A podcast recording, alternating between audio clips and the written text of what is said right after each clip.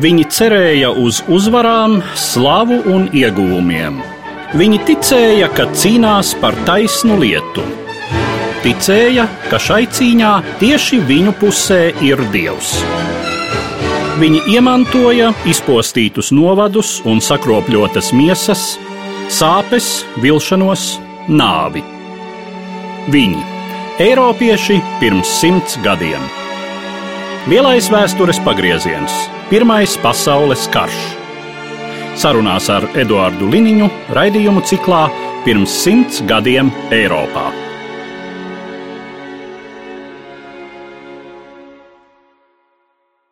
Labdien, cienījamie klausītāji! Šodien mēs pievēršamies Pirmā pasaules kara notikumiem, kas nav cieši saistīti ar Latviju, taču diezgan nozīmīgi visa Pirmā pasaules kara kontekstā, proti Itālijas iesaistīšanās šajā karā Antantes pusē. Mans sarunbiedrs studijā - kara muzeja pētnieks Dainis Poziņš. Labdien! Labdien.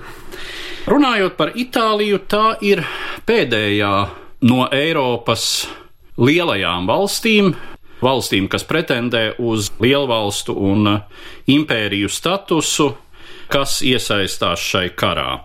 Kā zināms, ilgu laiku, 19. gadsimta beigās, 20. gadsimta sākumā, Itālija tika uzlūkota drīzāk kā Vācijas un Austro-Ungārijas sabiedrotā. Kas tad noteica Itālijas politiku Pirmā pasaules kara sākumā? Lai šo politiku labāk saprastu, mums patiesībā ir jāatskatās diezgan tālu atpakaļ 19. gadsimta vēstures notikumos, jo tā Itālijas situācija ir mazliet īpatnēja atšķirībā no citām lielajām Eiropas valstīm. Itālija tieši tāpat kā Vācija piedzīvoja diezgan ilgu sadrumstalotības periodu vairākās valstīs, un Itālijā bija pašai savs vēstures periods, kur militārā ceļā, varētu teikt, ar bruņotu spēku palīdzību Itālija tika apvienot kā valsts un izveidojās vienot Itāļu lielvalsts. Un, protams, ka šie panākumi radīja tādu lielu patriotismu uzplūdu un liela sajūsma gan sabiedrībā, gan politiķos par Itālijas potenciālajām iespējām, un, kā saka, apetīta aug ēdot. Itālijai radās līdzīgas ambīcijas kā Vācijai pārskatīt, tā teikt, koloniālos sistēmas kārtību, izvirzīt pretenzijas uz dažādām teritorijām, un šis spēka pieaugums arī noteica Itālijas ārpolitikas līkločus. Faktiski Itālija par Vācijas un Austru-Ungārijas sabiedroto kļuva tāda koloniālā emocija viļņa iespējā, jo strīds izcēlās starp Itāliju un Franciju 1881. gadā par Tunisiju. Franči tur guva panākumus un pārņēma kontroli šīs teritorijas, un Itālijas politiķi, reaģējot ļoti emocionāli uz šo faktu, izvēlējās saistīties ar Austru-Ungāriju un Vāciju, iestājoties Trejsavienībā. Bet uh, tā dziļāk ieskatoties, šai savienībai bija iekšējas plaisas. Oficiāli un formāli saskaņā ar dokumentiem tā bija veidot kā aizsardzības alianse, bet Itālijas sabiedrībā bija diezgan lielas pretenzijas pret Austro-Ungāriju tīri vēsturiskā ziņā, jo šī lielvalsts bija pretojusies Itālijas apvienošanai. Un turklāt Austrumgārijas teritorijā dzīvoja diezgan daudz itāļu. Dienvidu Tirolē un tāpat Itālija izvirzīja arī pretenzijas uz tagadējās Slovenijas zemēm, kur apmēram 5% no iedzīvotājiem bija itāļi, un tās pretenzijas radīja tādu diezgan rezervētu attieksmi pašā sabiedrībā pret šo Itālijas un Austrumgārijas draudzību, un līdz ar to arī pret Vācijiem. Protams, ka 20. gadsimta sākumā tie zemūdens akmeņi sāk parādīties virspusē. Itālija jau diezgan slepeni. Atsevišķi panāca vienošanos ar Franciju, ka Trejas Savienības šajās alianses ietvaros Itālija nekād nevērsīsies pret Franciju, un vēlāk līdzīga vienošanās tika panākta arī ar Lielbritāniju ja pareizi atceros, 1909. gadā. Nu, tas jau tāds ievads.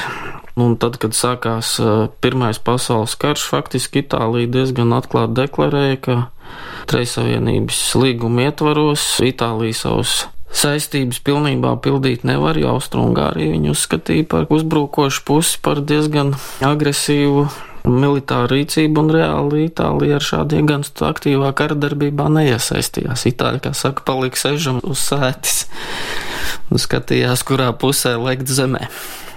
Par tām diplomātiskām aizkulisēm var runāt daudz un dikti, bet nu, lietas būtība pamatā grozās ap šiem zemūdens akmeņiem Itālijas un Austrungārijas attiecībās, kas saistās ar Itāļu minoritātes apdzīvoto teritoriju un Itāļu vēlmi apvienot visas Itāļu apdzīvotās teritorijas vienā nacionālā valstī. Tas jau apmēram iezīmē Itālijas eh, kara mērķus. Un eh, droši vien Itālijas rīcību nosaka nogaidošā taktika, vērot, kurš tad šai karā izrādīsies veiksmīgāks, bet kas tad ir vēl konkrētāk iezīmējot Itālijas mērķi, iestājoties karā un ko tai soli jaunie sabiedrotie Briti un Franči un tajā brīdī arī Krievi? Tur acīm redzami, kad aizkulīšu sarunās Londona solīja Itālijai Dienvidu Tirolas un Dalmācijas teritorijas neapšaubām tas pamatmērķis. Savukārt centrālās lielvalstis Austro-Ungārija, cevišķi Vācija izdarīja spiedienu uz Austro-Ungāriju, lai panāktu vienošanos par Tunisiju piedāvāt Itālijai pārņemt kontrolē Tunisiju.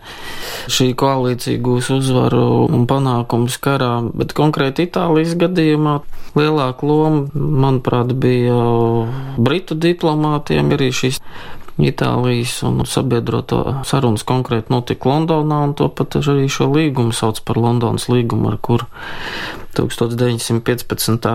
gadā Itālija pārtrauca saistības attiecībā pret Reisavienību un atvēra durvis savam ceļam, lai sāk karu. Turklāt 1915. gadā Austro-Ungārijas armijai nebūtu nebija tik liela panākuma karadarbībā ar Krievija un Itāļi cerēja, ka varēs iegūt strateģiski labvēlīgu momentu un sākt kara darbību. Turklāt arī tāds zināms uzbudinājums valdīja sabiedrībā. Bija cerības gūt ātru un vieglu uzvaru, pat cik Austrungārija jau ir iesaistīta kara darbībā un Itālijai nebūtu arī nebija uzreiz obligāti jāiesaistās tiešā sadursmēs ar Vāciju. Tas periods izstiepās diezgan garš. Itālija piesaka ar Vācijai tikai 1916. gada augustā, nākamajā gadā. Nu, atgādināsim, ka karu Austro-Ungārijai Itālija piesaka 1915. gada 23. maijā. Kāds tad ir Itālijas militārais potenciāls tajā brīdī, kad Itālija iesaistās karā, uz ko itālieši cer militāri strateģiskā nozīmē? Itālijai skaitliska armija ir relatīvi liela, atbilst valsts iedzīvotāju skaitam un rūpnieciskajam potenciālam, bet jāņem vērā, ka Itālija atšķirībā no vecajām Eiropas lielvalstīm sevišķi. Vācijas bija sākusi šo industrializācijas un modernizācijas ceļu daudz vēlāk, un līdz ar to Itāļiem bija pārlieku lielas cerības saistītas ar savas armijas reālajām iespējām, un materiāli viņi nebūtu nebija tik labi nodrošināti. Un jau pirmā kauja Isonco ielējā jau 1915. gada maijā parādīja, ka aizsardzības pozīcijas uzlaust nav tik viegli, un faktiski Itālija nekādus dižus panākumus šai pirmā uzbrukumā negu. Un te arī ir jāparunā mazliet par Itālijas armijas vadību, konkrēti par tās komandieri Luigi Kadorno, kurš pēc vispārēja atzinuma bija diezgan egocentrisks un pašpārliecināts cilvēks, diezgan bieži ignorēja savu padoto viedokli un bija frontāla uzbrukuma taktikas piekritējs, kas gal galā Itālijai nekādus panākumus nedeva.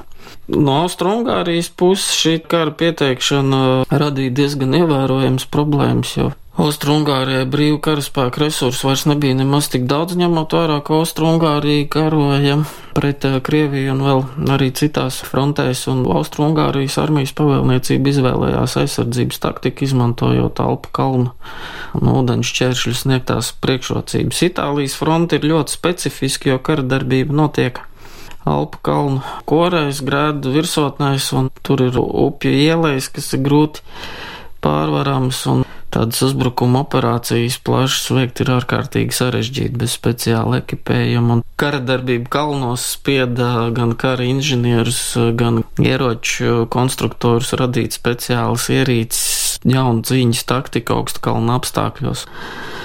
Un zaudējumi faktiski abām pusēm bija diezgan ievērojami, lai arī Itālijas fronte Pirmā pasaules kara mērogos ir sekundāra, un Itālija un Austrumgārija šajās aliansēs ir, kā saka, otrās svara kategorijas spēlētāji, bet tomēr šis kardarbības apjoms bija pietiekami plašs un zaudējumi ņemot vērā šo valstu ekonomisko stāvokli un resursus bija pietiekami smagi, tā kā šī cīņa bija diezgan sīva Itālijas frontē. Mēs varbūt varam mazliet aprakstīt tās kardarbības īpatnības, kas ir raksturīgas tieši šiem augstkalnu apstākļiem.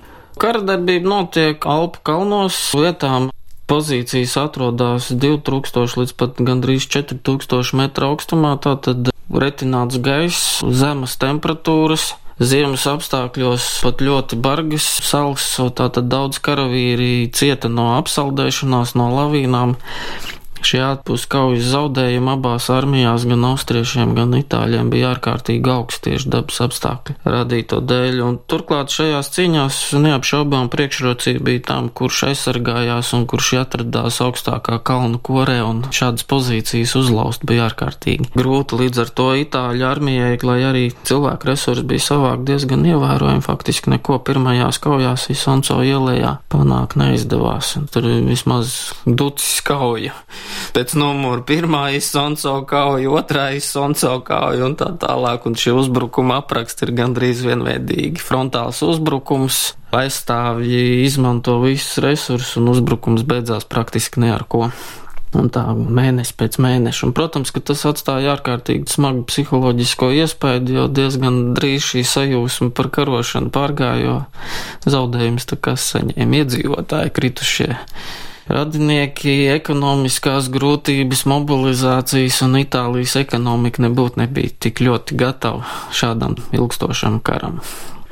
Kāda ir itāliešu armijas pieredze līdz tam, cik tā daudz ir karojusi un kādos apstākļos? Itālijas armija līdz tam praktiski nopietni ir karojusi pati savā teritorijā un no Lībijas kampaņā, kurš pēc mēroga un tehnoloģiskā aprīkojuma nekāda nav salīdzināms ar Pirmā pasaules karu. Protams, Itālijas armija nebija gluži bez pieredzes, bet Pirmais pasaules karš un šis cīņa mērogs ir pavisam cita līmeņa konflikts, salīdzinot ar Lībijas kampaņu vai pat Itālijas apvienošanās karu, kas notiek gandrīz 40 gadus agrāk un kur ir pavisam cita taktika un kara tehnoloģijas.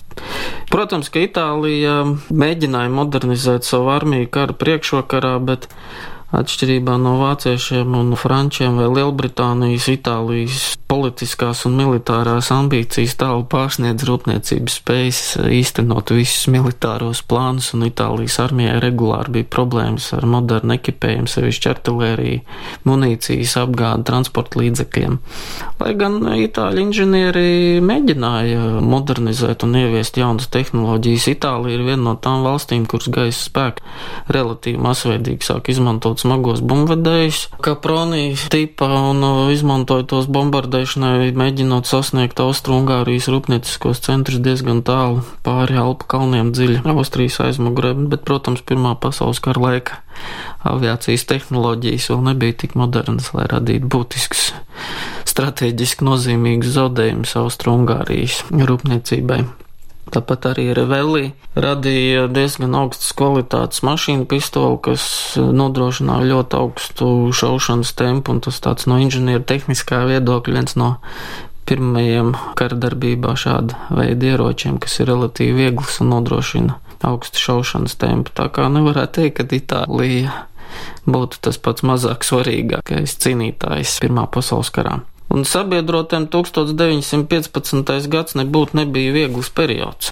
Īsti to brīdi pateikt, kurš uzvarēs šo kāru, nevarēja neviens, un tāpēc Britu un Francijas diplomāti pielika diezgan lielas pūles, lai pārliecinātu Itāliju pievienoties Antantas pusē, un Austru-Ungārijai Itālijas fronte bija ļoti nepatīkama lieta. No aptuveni rēķina no trešo daļu no visiem zaudējumiem, ko Austrumgārija piedzīvoja Pirmā pasaules kara laikā, tā zaudēja karojot pret Itāliju. Šie karavīri ļoti labi Austrumgārijai būtu noderējuši Austrumfrontē.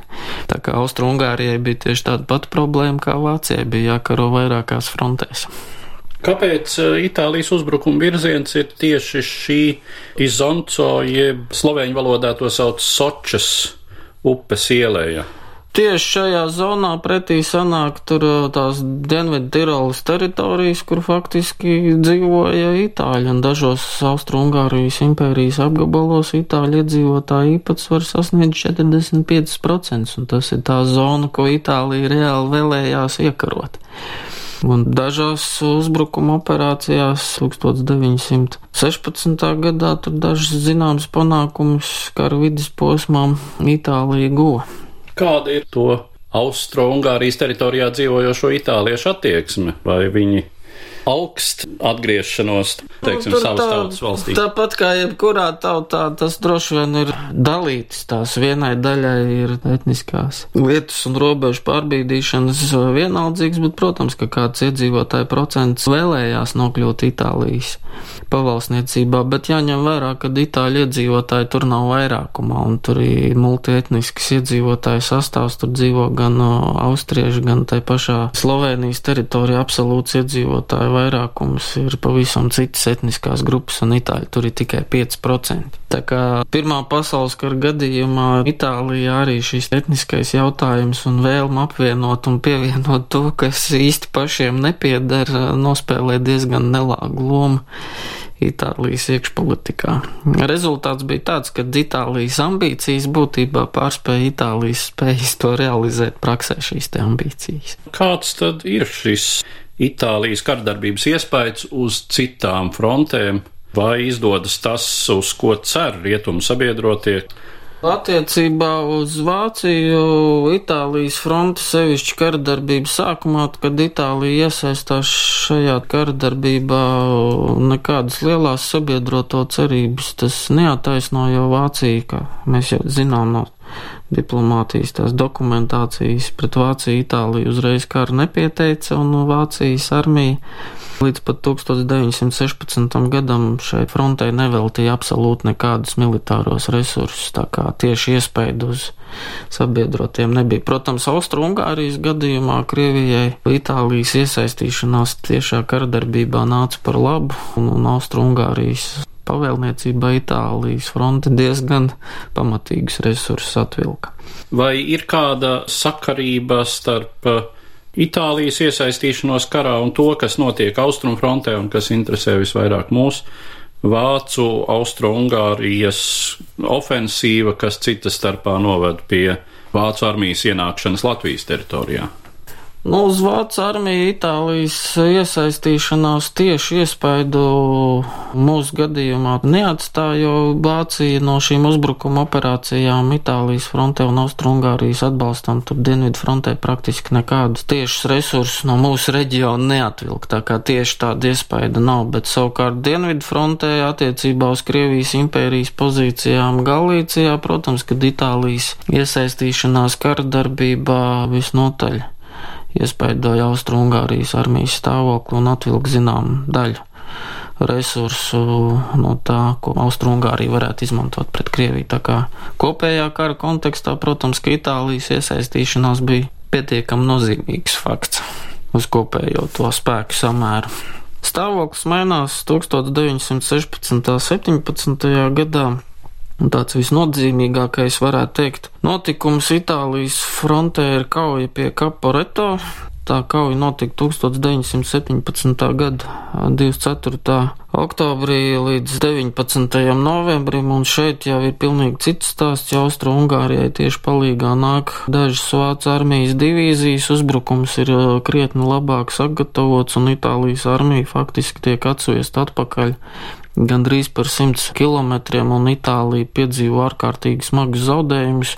Daudz kritušo un liela daļa no itāļu karavīriem vienkārši padodās gūstā, kas faktiski Itālijā bija diezgan liels šoks, ka 265 tūkstoši itāļu armijas karavīri nonāca austriešu un Vācijas gūstā, un bija arī ārkārtīgi daudz bezvēsts pazudušo un stāvokli izdevās glābt. Tikai tāpēc, ka Itāļi atkāpjoties izveidoja jaunu frontes līniju gar Pjāvis upi, un austriešu un vācu komunikācija līnijas ir izstieptas mazliet garākas, un nu, sākās apgādes problēmas, un Itālija sāk izmantot ārkārtīgi drastiskas metodas, lai atjaunotu karaspēkā disciplīnu. Faktiski žandarmu vienības ķēra dezertierus, un jau karavīrs nevarēja pierādīt, kāpēc viņš atradās frontes līnijas aizmugurē, tad vienkārši brutāli šāva nospēgošos Itālijas armijas karavīrus. Un tas šoks bija tik liels, ka pat mūsdienās ar vārdu kaporeto atzīmē fatālu katastrofisku sakāvu vai neveiksmi. Tas jau ir pārvērties par tādu bezmaz neveiksmes vai sakāvu simbolu. Protams, ka Itālijas armijā ir laika izdevās atgūties, bet iekšpolitiski saka šī Vācijas aktīva iesaistīšanās Itālijas frontē atstāja Itālijā diezgan pamatīgi iespēju. Luigi Kanģorno tika atcelts no armijas komandiera amata valdībā bija pārmaiņas un Itālijai nācās ļoti nopietni pārdomāt turpmāko kara taktiku un stratēģiju.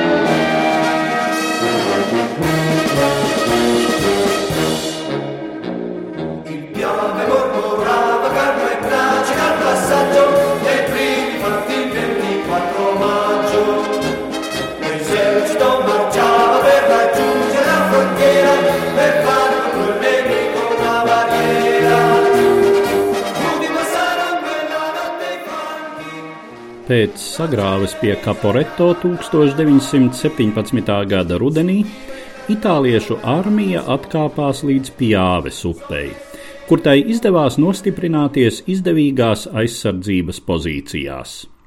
No šejienes gadu vēlāk itālieši uzsāka ofensīvu pret tobrīd jau brūkošo Austro-Ungārijas armiju. Pēc ilgas un bezcerīgas nosiņošanas kaujās pie Izonco, Pēc Kaporeto pazemojuma itāliešiem beidzot izdevās gūt uzvaru. Dzēnieks un dziesminieks Giovanni Gaeta, plašāk pazīstams ar pseidonīmu E.A. Mario, sacerēja dziesmu Pjāves leģenda.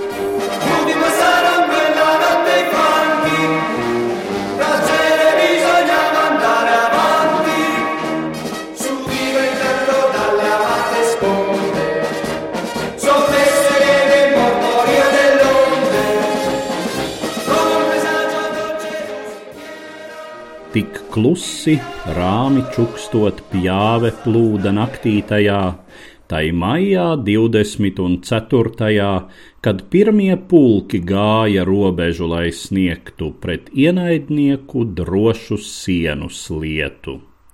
Pulki klusu ciešot, tumsā zuda, nemanīti tālāk, tālāk plūda. No mīļiem krastiem aizejot tie jauda, kā liegie viļņi līksmas sveikas pauda. Tā šķita laba zīme, ķīla priekam, tur pjāve čukstēja, te nenākt svešiniekam.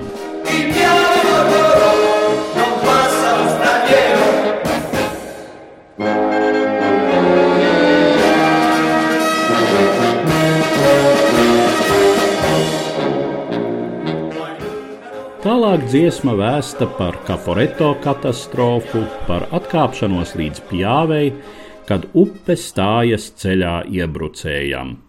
Dziesmas noslēgumā skan uzvaras prieks pār gadsimtu ienaidniekiem austriešiem. Ir droši beidzot Alpi, miera pilni, plūst brīvās pjāves, rāmie skaidrie viļņi, gals dzimtā zemē impēriju varai, svešs apspiedējs nu aiziet līdz ar kāru. Pēc tam, kad Otrā pasaules kara laikā Itāliju okupēja nacistiskā Vācija, Pjāves leģenda kļuva par itāliešu pretošanās kustības himnu. Pēc kara tā tika apsvērta pat kā jaunās Itālijas Republikas valsts himna, un joprojām ir viena no populārākajām itāliešu patriotisko dziesmu repertuārā.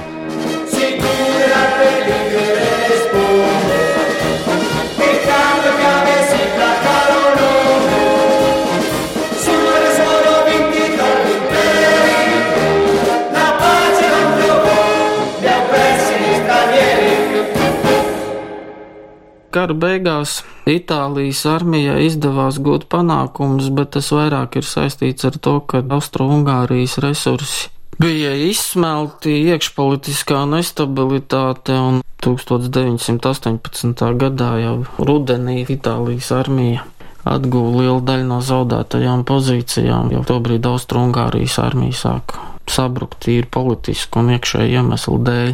Tā kā formāli it kā Itālijas armija šo karu uzvarēja un piedalījās uzvarētāju pusē gūto uzvaru un trofeju dalīšanā, bet nu, tas, cik Itālija palika apmierināta pēc tam, tas jau ir cits stāsts. Katrā ziņā Itālijai iekšpolitiski šī iesaistīšanās Pirmajā pasaules karā un gūtā uzvara nebūtu neatstāja tik labvēlīgu iespēju uz Itālijas iekšpolitisko stāvokli, jo valsts ekonomiskie resursi bija izsmelti, tik zaudēti gandrīz divi miljoni cilvēku. Gan kritušie, gan ievainotie, gan uh, gūstā saņemtie, tas lika zinām pamatu tai iekšpolitiskajai nestabilitātei, kas valdīja Itālijā pēc Pirmā pasaules kara.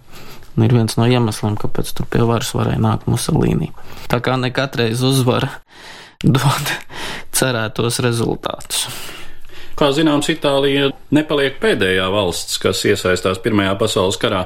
Šī itāliešu iesaistīšanās vai tā kaut kādā veidā iespaidoja citu līdz tam neitrālu valstu politiku. Mēs zinām, ka pēc tam kara darbībā iesaistās Bulgārija, Rumānija, Protams, ka kaimiņi skatās un zinām, ja, teiksim, Antantai ir izdevies gūt diplomātisku panākumu un iegūt jaunu sabiedroto, protams, ka pārējie skatās un arī domā, ka, oh, šiem veicās labāk, ir jauns sabiedrotais, varbūt, ka mums arī vajag ielikt šajā braucošajā vilcienā un dabūsim kādu gabaliņu no pīrāga.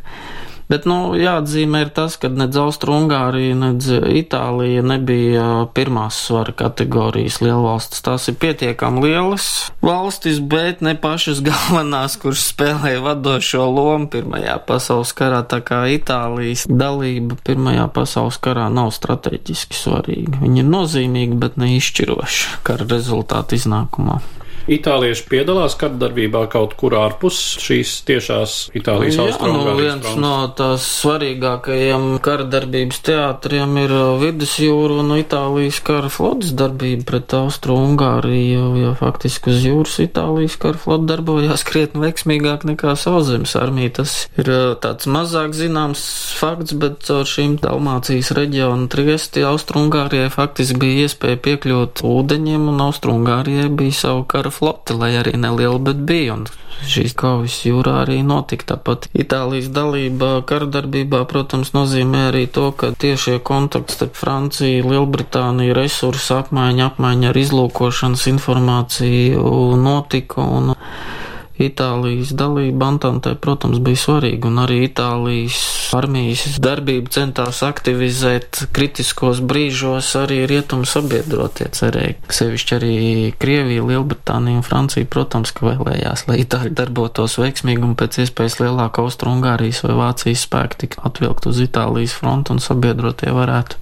rietumu frontē vai austrumu frontē brīvāk rīkoties pret centrālā lielu valstīm. Kāds tad ir Vēlreiz precizējot, konkrētais Itālijas ieguvums kara beigās. Itāļi nedabūja gluži visu to, ko viņi bija cerējuši, bet tās dažas teritorijas, Slovenija, Triesta, īpašuma dalīšana notika, bet ne gluži tādos apjomos, kā Itāļi bija cerējuši. Un arī, protams, Tunisijā viņam nekas prātīgs nesanāca. Tāpēc arī uh, Itālijā Musolīne izspēlēja zināmā mērā šo te aizvainotās valsts kārta aizvainotās nācijas kārti, un tas nepārliek veiksmīgais Itālijas iegūms pēc Pirmā pasaules kara zināmā mērā ietekmēja sabiedrības noskaņojumu ļauj populistiskiem politiķiem gūt panākumus Itālijā 20. gadu sākumā. Tā kā Itālijas politika bija diezgan pretrunīga. Gan Pirmā pasaules kara priekšvakarā, gan arī pēc it kā šīs šķietam gūtās uzvaras. Pilnībā apmierināti nebija un Tur ir diezgan komplicēta situācija. Ar to mēs tad arī varētu noslēgt mūsu šodienas sarunu, kas bija veltīta Itālijas dalībai Pirmajā pasaules karā.